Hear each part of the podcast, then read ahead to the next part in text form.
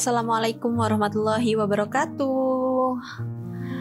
Gimana nih kabarnya teman-teman? Sehat semua, bahagia semua. Ya, setelah banyak sekali kejadian yang terjadi akhir-akhir ini, semoga teman-teman tetap aman, selamat, dan sehat, serta bahagia. Oke, ngomongin soal bahagia, apakah ini kabar bahagia atau tidak? Karena ini sudah episode ke-20 yang berarti ini adalah episode terakhir dari buku Don't Sweat the Small Stuff in Love. Jangan meributkan masalah kecil dengan pasangan Anda. Buku yang ditulis oleh Richard dan Christine Carlson ini berisikan tentang cara-cara sederhana untuk memperkuat tali cinta dan menghindari kebiasaan-kebiasaan yang dapat menghancurkan hubungan Anda. Ya, akhirnya episode ini tiba. Setelah banyak kiat yang sudah bunga share ke teman-teman dari 100 kiat ini memang tidak semua bunga share. Tapi ada beberapa kiat yang intinya itu sama jadi bunga rangkum dan jadilah 20 episode. Dan karena ini episode terakhir jadi yang pasti bunga akan memberikan yang terbaik kiat yang paling baik the point of this book gitu ya. Tiga kiat ini berjudul berikan cinta tanpa syarat. Ingat betapa indahnya semua bila kita sedang jatuh cinta. Dan yang terakhir anggap pasangan Anda sebagai harta tak ternilai. Ini dari judulnya aja kita udah bisa merasakan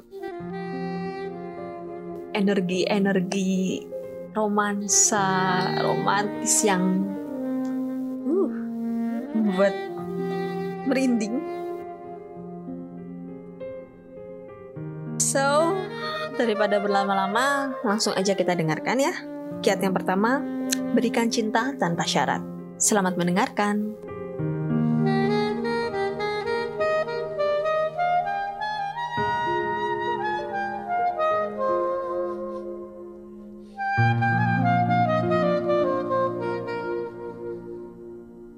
Berikan cinta tanpa syarat.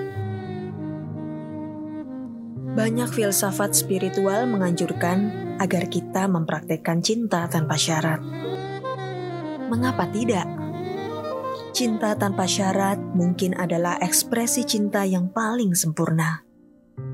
Cinta tanpa syarat artinya, aku mencintaimu karena kamu adalah kamu kamu tidak perlu menjadi orang lain untuk menerima cintaku. Tak ada syarat yang dilekatkan pada cinta itu. Kamu tidak harus menurunkan berat badan, punya penghasilan sekian, sependapat denganku, bertindak menurut rencanaku, punya tujuan yang sama denganku atau tersenyum padaku walaupun kamu sedang tak enak hati. Kamu boleh merasa tertekan, tidak aman, atau melakukan kesalahan. Itu tidak masalah. Aku akan tetap mencintaimu.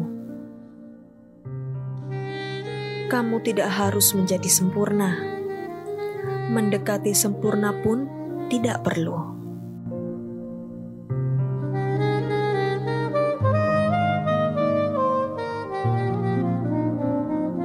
Kecuali terhadap anak-anak kita sendiri, dan hanya ketika mereka masih sangat kecil.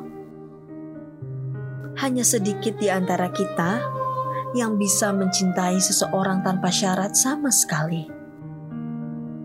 Disadari atau tidak, biasanya kita mengajukan sejumlah syarat dan mengharapkan sesuatu dari orang yang kita cintai.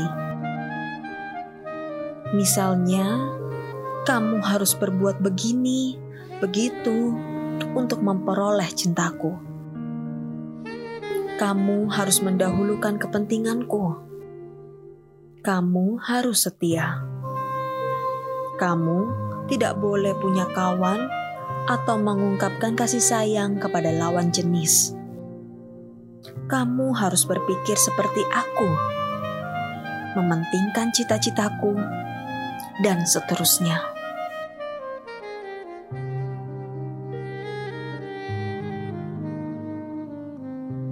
Tetapi seperti dalam banyak hal di mana kesempurnaan nyaris tidak mungkin dicapai. Kesehatan, kebugaran, keuangan yang terjamin, hidup serba teratur. Untuk menyebut beberapa, mengarahkan diri Anda untuk mencapai kesempurnaan tetaplah sesuatu yang pantas dilakukan dan memang harus dilakukan Meskipun Anda juga harus sadar bahwa ada keterbatasan-keterbatasan tertentu yang tidak mungkin Anda lewati. Misalnya, meskipun mungkin Anda tidak akan pernah sehat 100%, sebaiknya Anda tetap menjaga pola makan yang sehat, berolahraga teratur, dan mempraktekkan gaya hidup yang akan membuat tubuh Anda bugar.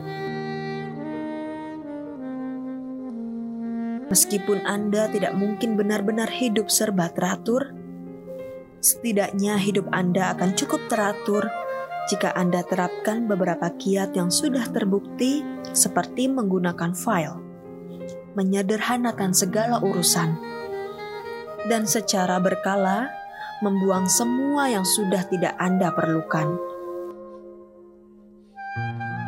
Semakin tinggi komitmen Anda untuk mengatur diri, akan semakin teraturlah hidup Anda. Saya pernah punya cita-cita ikut lari maraton 3 jam. Sayangnya, yang bisa saya capai adalah 3 jam kurang 9 detik. Apa pun hasilnya, saya cukup puas karena sasaran saya sudah nyaris tercapai. Kepuasan saya akan lain bila sasaran yang saya incar adalah ikut lari maraton 4 jam.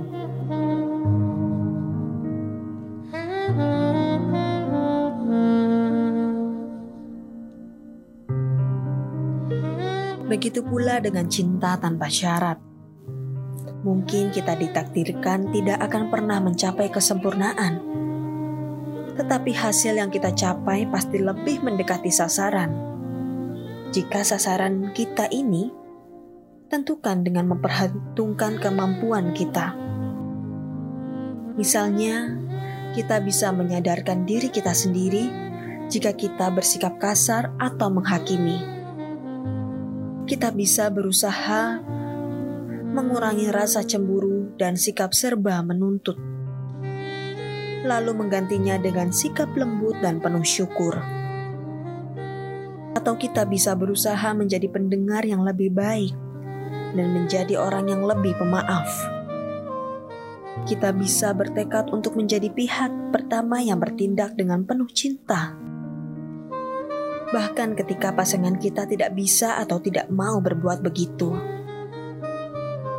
Kita juga bisa mulai menerima kenyataan bahwa pasangan kita kadang-kadang kacau perasaannya atau sikap dan tindakannya tidak kita sukai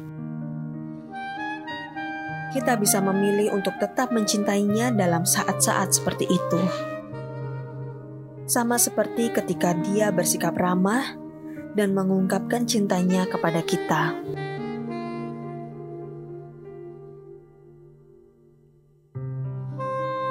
Banyak yang bisa kita lakukan agar kita bisa lebih mencintai tanpa syarat. Apa saja? Mulai dari mengikuti kursus keterampilan mendengarkan dan berkomunikasi secara efektif, sampai bertanya kepada pasangan Anda perubahan apa yang diinginkannya dari Anda.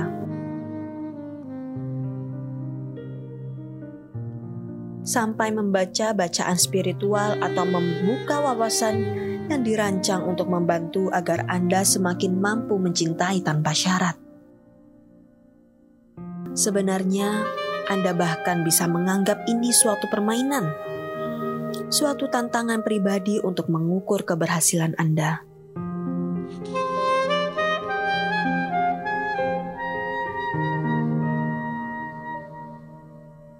Meskipun tidak ada aturan-aturan dasar yang bisa diikuti, Anda bisa berharap akan memperoleh hasil yang konsisten. Begini, Anda boleh yakin bahwa apa pun usaha yang Anda lakukan agar bisa menjadi pasangan yang semakin mencintainya tanpa syarat, Anda akan melihat hasilnya dalam kualitas hubungan Anda dengannya.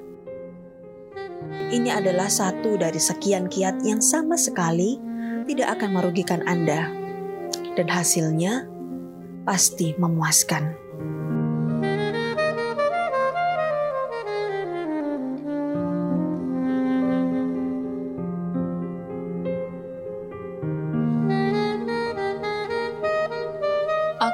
Itu dia teman-teman. Kiat yang pertama mengenai cinta tanpa syarat. Ini cukup membingungkan sih ya. Bagaimana ide tentang cinta tanpa syarat ini? Apakah aku tidak boleh menuntut? Apakah aku tidak boleh menginginkan sesuatu agar hubungan aku dengan dia ini selaras? Atau apa? Memang konsep cinta tanpa syarat ini cukup rumit ya. Syarat itu kan berarti ketentuan ya, apa ya? Kayak sesuatu yang harus kita lakukan untuk mencapai sesuatu gitu. Jika kamu ingin mendapatkan cintaku, jika kamu ingin bersama denganku, maka kamu harus bla bla bla bla. Ini ini ini itu itu itu. Ya jelas itu adalah sebuah syarat. Tapi terkadang perbedaan-perbedaan yang terjadi di antara kita, di antara aku dan pasangan gitu, membutuhkan satu jalan tengah. Dan apakah jalan tengah ini syarat? Memang ini sulit sekali ya teman-teman jika kita mencintai seseorang, lalu kita ingin memberikan cinta tanpa syarat, kita ingin mempraktekkan kiat ini, kita harus diskusi dulu sama pasangan. Ya, tidak harus menjelaskan, aku ingin memberikan cinta tanpa syarat kepadamu. Enggak, tapi dengan cara yang lebih halus. Misalnya, aku mencintai kamu apa adanya. Ya buktikan kalau kalian memang mencintainya dengan apa adanya jika dia memang cerewet, maklumi, terima dengan lapang hati, dengan positif.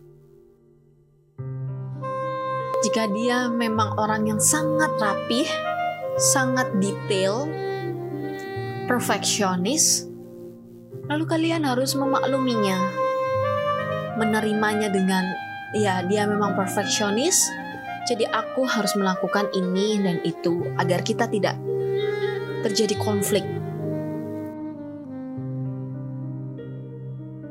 Konsep ini memang harus diketahui oleh kedua belah pihak. Jadi, kalau misalnya hanya kamu saja yang memberikan cinta tanpa syarat, aku yakin kamu pasti akan terluka lebih dalam. Karena merasa kamu akan berjuang sendirian. Kamu menerima dia sendirian sedangkan dia semena-mena. Dia mengajukan syarat yang ini itu ini itu yang akan membuat kamu semakin tertekan. Jadi konsep ini memang harus diketahui oleh kedua belah pihak. Harus diterima jika memang kalian benar-benar mencintainya. Karena manusia itu kan kompleks ya, rumit kita tidak bisa memaksakan dia untuk semua pikiran sama kita. Satu keinginan, satu tujuan, satu cita-cita, tidak bisa.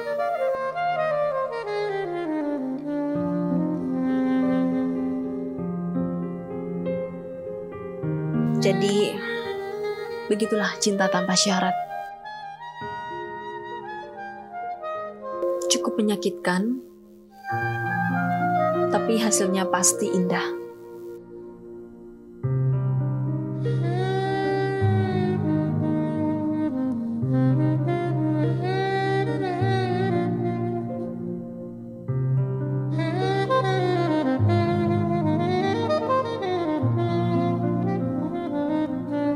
Teman-teman, lanjut lagi ke kiat yang kedua. Judulnya Ingat betapa indahnya semua bila kita sedang jatuh cinta. Oke, langsung kita dengarkan bersama-sama.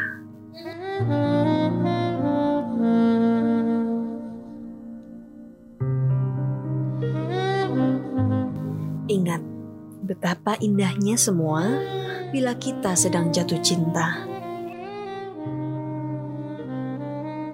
Dalam majalah Life, ada artikel berjudul The Science of Love atau Sains tentang Cinta.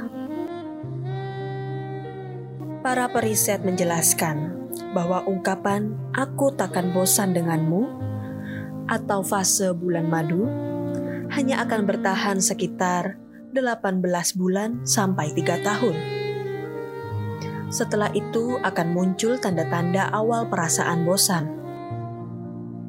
Maka marilah kita bicara tentang kiat yang akan membantu Anda menghidupkan kembali perasaan-perasaan itu dan mengingat betapa indahnya semua bila kita sedang jatuh cinta.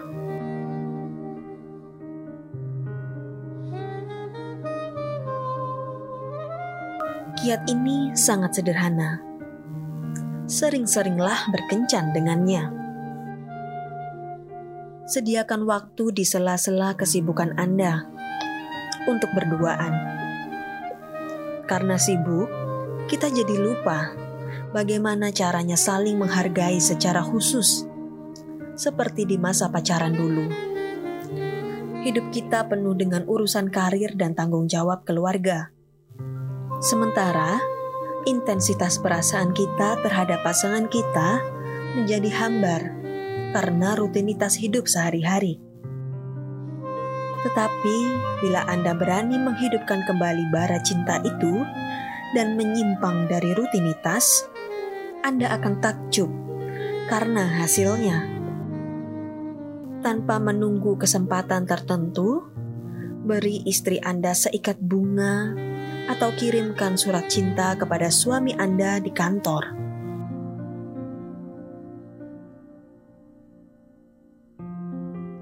Pergilah berjalan-jalan sambil bergandengan tangan. Lakukanlah sesuatu. Banyak cara sederhana untuk membuat kencan yang berkesan, yang akan membantu Anda untuk mengingat, menghargai, dan menghidupkan kembali keindahan di masa pacaran.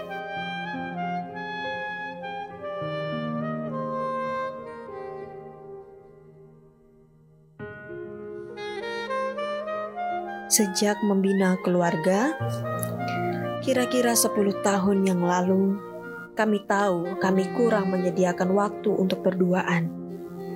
Untuk saat-saat yang kami anggap berharga. Kami tidak bisa lari pagi berdua. Bahkan kebiasaan minum kopi pun diganti dengan menyusui anak. Jika keuangan mengizinkan, di tahun-tahun pertama itu, kami masih yakin bahwa untuk memelihara hubungan kami, kami harus menyisihkan waktu untuk malam kencan seminggu sekali.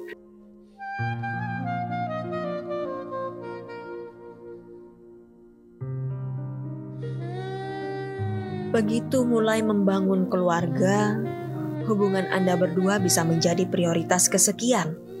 Dan bila tidak berhati-hati, itu akan tenggelam dalam rutinitas kehidupan keluarga. Meskipun selalu ada seseorang atau sesuatu yang membutuhkan perhatian, atau ada pekerjaan rumah tangga yang harus diselesaikan, Anda harus tetap menganggap kelestarian hubungan Anda berdua sebagai prioritas pertama. Usaha yang Anda keluarkan akan sebanding dengan hasilnya. Misalnya, carilah pengasuh anak yang baik atau titipkan anak-anak di tempat penitipan beberapa jam setiap minggu atau setiap bulan. Agar Anda bisa menikmati saat-saat berduaan tanpa terganggu. Dengan demikian, Anda akan ingat mengapa Anda berdua saling mencintai. Dan Anda akan punya lebih banyak waktu untuk saling menghargai bila malam kencan seperti itu baik, pergi berakhir pekan berdua lebih baik lagi. Kami selalu berusaha menyisikan waktu untuk pergi berakhir pekan berdua. Dua hingga tiga kali setahun. Agar bara cinta kami tetap hangat menyala. Jika yang seperti itu tidak mungkin, sesempit apa pun waktu yang bisa Anda sisihkan, pastilah ada gunanya.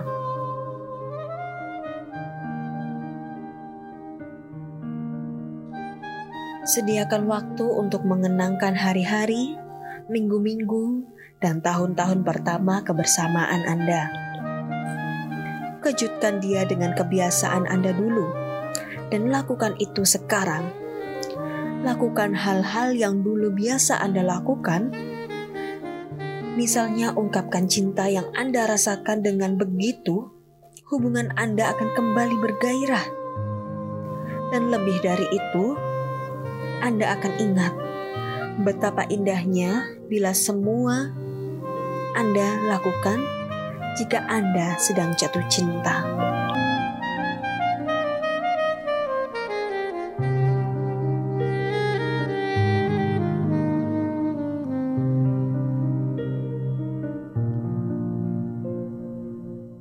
Oke, okay, itu dia teman-teman.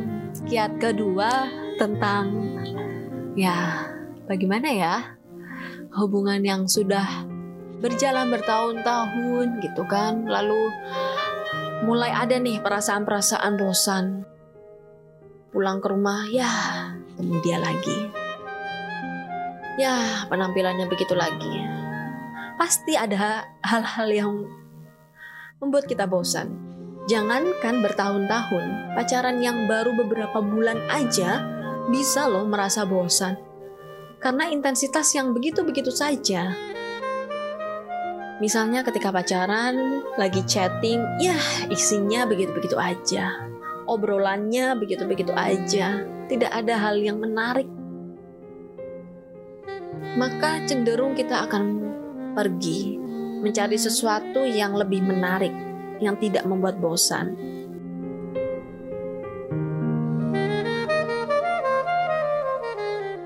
Efek jeleknya adalah hubungan jadi hambar, ya kan? Jadi tidak tahu lagi, ah, kehabisan bahan pembahasan gitu. Ya, hal-hal itu sudah mulai bisa memicu kebosanan di dalam hubungan. Yang pacaran saja bisa, apalagi dengan yang sudah menikah.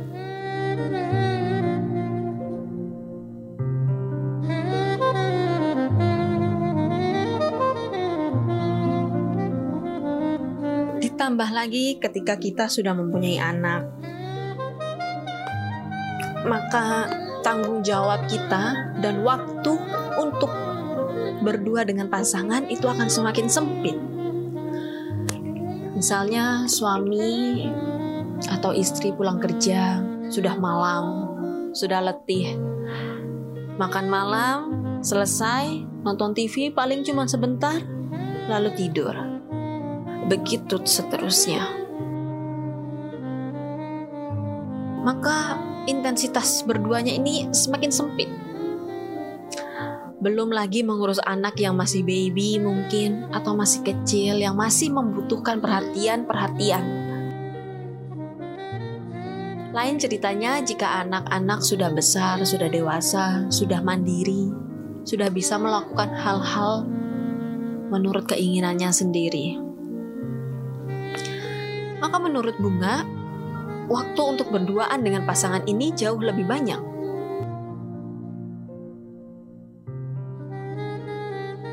Pernah waktu itu hmm, orang tua Bunga lagi enif, ya kan, anniversary gitu.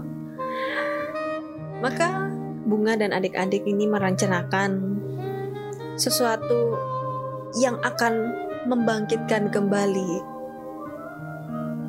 keadaan cinta mereka. Bukan mereka sedang berantem, tidak. Tapi biar lebih harmonis. Biar mengingatkan kembali masa-masa pacaran. Jadi kami merencanakan makan malam romantis gitu ya, dinner gitu.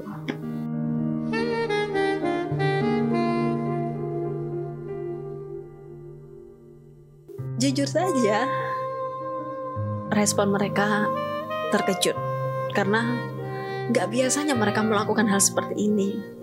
Sudah berapa lama mereka tidak melakukan hal-hal seperti ini di romantis. Bahkan mereka mengajak Bunga dan adik-adik untuk ikut serta. Dan kita langsung menolak, buat apa? Ini malam kalian berdua. Cobalah mengenang kembali keadaan-keadaan semasa pacaran. Ini malam kencan kalian jadi nikmatilah. Mereka canggung, mereka bingung. Tapi mereka pulang dengan keadaan bahagia. Ya, hal-hal seperti itu yang bisa kita lakukan untuk orang tua kita.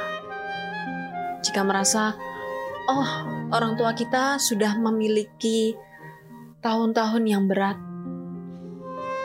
dan sudah saatnya mereka untuk memanjakan diri mereka membanjakan kembali hubungan mereka, kalau kita bisa melakukan sesuatu yang bisa membuat mereka bergairah kembali, why not? Toh ini untuk orang tua kita, untuk keluarga kita sendiri. Jadi ini penting ya teman-teman. Carilah sesuatu yang menarik jika muncul tanda-tanda kebosanan itu.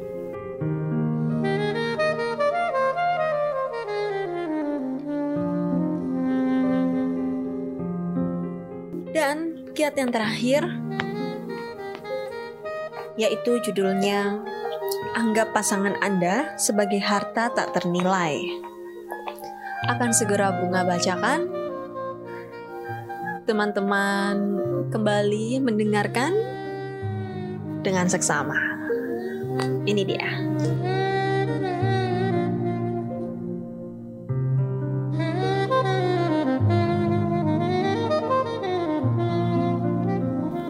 Pasangan Anda sebagai harta tak ternilai.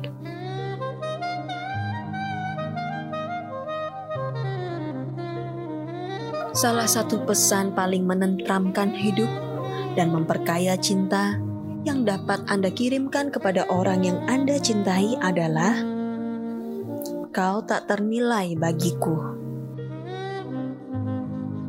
Bila seseorang tahu dirinya sangat berarti bagi orang lain, dia akan merasa penting dan dihargai.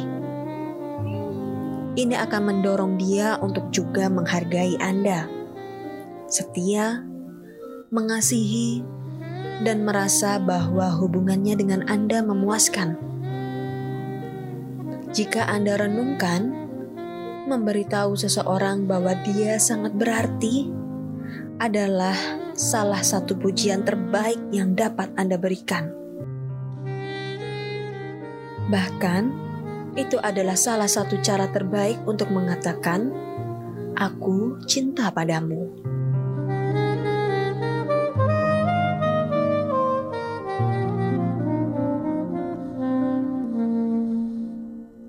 Cara terbaik untuk membuat seseorang tahu bahwa dia sangat berarti bagi Anda adalah tebakan Anda benar dengan mengatakannya pastikan pasangan Anda tahu sesering mungkin apa yang Anda sukai darinya. Sebutkan secara khusus bila Anda menyukai senyumannya, tawanya, sesuatu yang mereka lakukan atau apa pun, katakan padanya. Jangan membuat kesalahan dengan mengira pasangan Anda sudah tahu apa yang Anda sukai. Mungkin mereka belum tahu. Anda mungkin sudah pernah mengatakannya dulu, dulu sekali Salah satu akibat sampingan dari membuat pasangan Anda tahu bahwa dia sangat berarti bagi Anda adalah diperkuat dan dikukuhkannya aspek-aspek positif dalam hubungan Anda. Fokus Anda pada ciri-ciri positif pasangan Anda.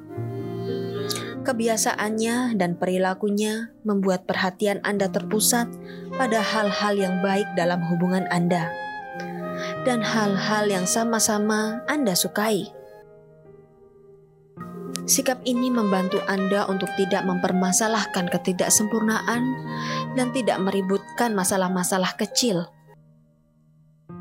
Sebagai tambahan, jika pasangan Anda benar-benar tahu apa yang Anda sukai darinya, dia cenderung akan mengulang sikap dan perilaku yang membuat Anda tertarik Misalnya, bila Anda berkata, "Aku suka kamu selalu ingat berterima kasih kalau aku melakukan sesuatu untukmu tanpa diminta." Dia pasti tidak akan lupa berterima kasih. Reaksi positif yang Anda peroleh akan mengukuhkan dan memantapkan ciri-ciri yang sudah positif. Di lain pihak, jika Anda tidak menghargai sikap positifnya, dan pasangan Anda bahkan tidak tahu bahwa Anda menghargainya, kemungkinan besar kebiasaan baik itu akan memudar.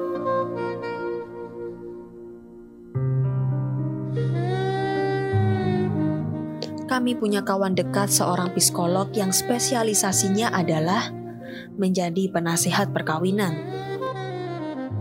Dia berkata, pada umumnya Orang tahu apa yang tidak disukai pasangannya, tetapi tidak tahu apa yang dihargai dan disukai pasangannya. Tidak mengherankan jika mereka membutuhkan penasehat perkawinan. Tetapi, menurut kawan kami, jika ada sedikit penghargaan dan perhatian lebih difokuskan pada sisi positif, bukan pada apa yang tidak memuaskan, maka itu sudah cukup untuk mengubah keadaan. Kesimpulan kawan kami itu sejalan dengan hasil observasi kami.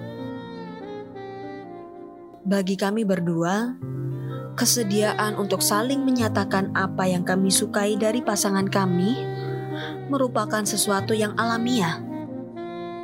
Misalnya, saya suka Chris yang kadang-kadang bersikap konyol, dan dia tahu karena saya katakan itu kepadanya. Saya juga suka karena dia sangat terlibat dalam kehidupan anak-anak. Sangat berbakat menciptakan keindahan di mana pun dia hadir. Sangat enak diajak berteman, suka membuat orang tersenyum, dan sangat pemaaf. Sebaliknya, tanpa ragu, dia berkata bahwa dia suka karena saya mau membantu di rumah dan bahwa saya pandai mengasuh anak-anak. Banyak yang kami sukai dari pasangan kami, dan kesediaan kami untuk menyatakannya secara terbuka semakin memantapkan hal-hal yang baik dalam hubungan kami. Dengan sedikit perkecualian, sejak berkenalan, sekurang-kurangnya sekali sehari, Bahkan setiap hari, kami selalu menyatakan apa yang kami sukai dari pasangan kami.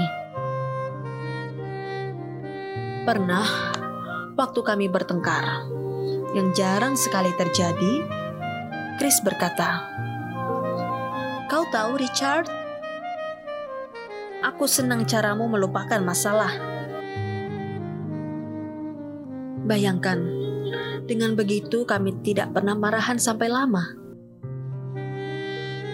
Seperti pasangan-pasangan lain, kami sudah melewati banyak hal bersama-sama, dan umumnya itu baik. Tetapi ada satu yang takkan pernah berubah. Kami akan selalu menganggap pasangan kami tak ternilai, sangat berharga, dan kami harap semoga Anda pun demikian.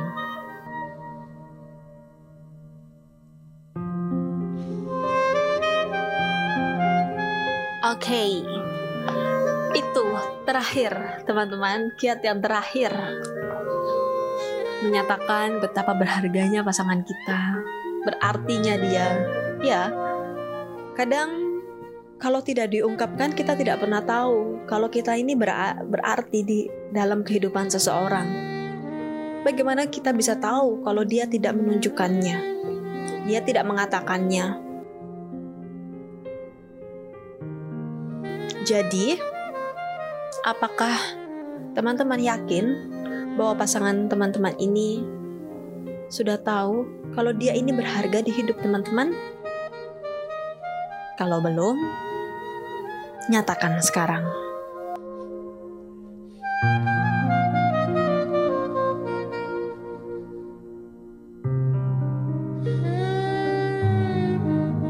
Itu terakhir teman-teman dari episode hari ini ke-20 dan berarti itu adalah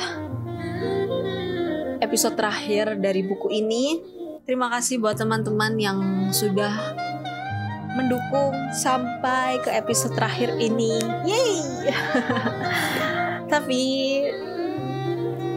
jangan khawatir teman-teman karena masih ada special episode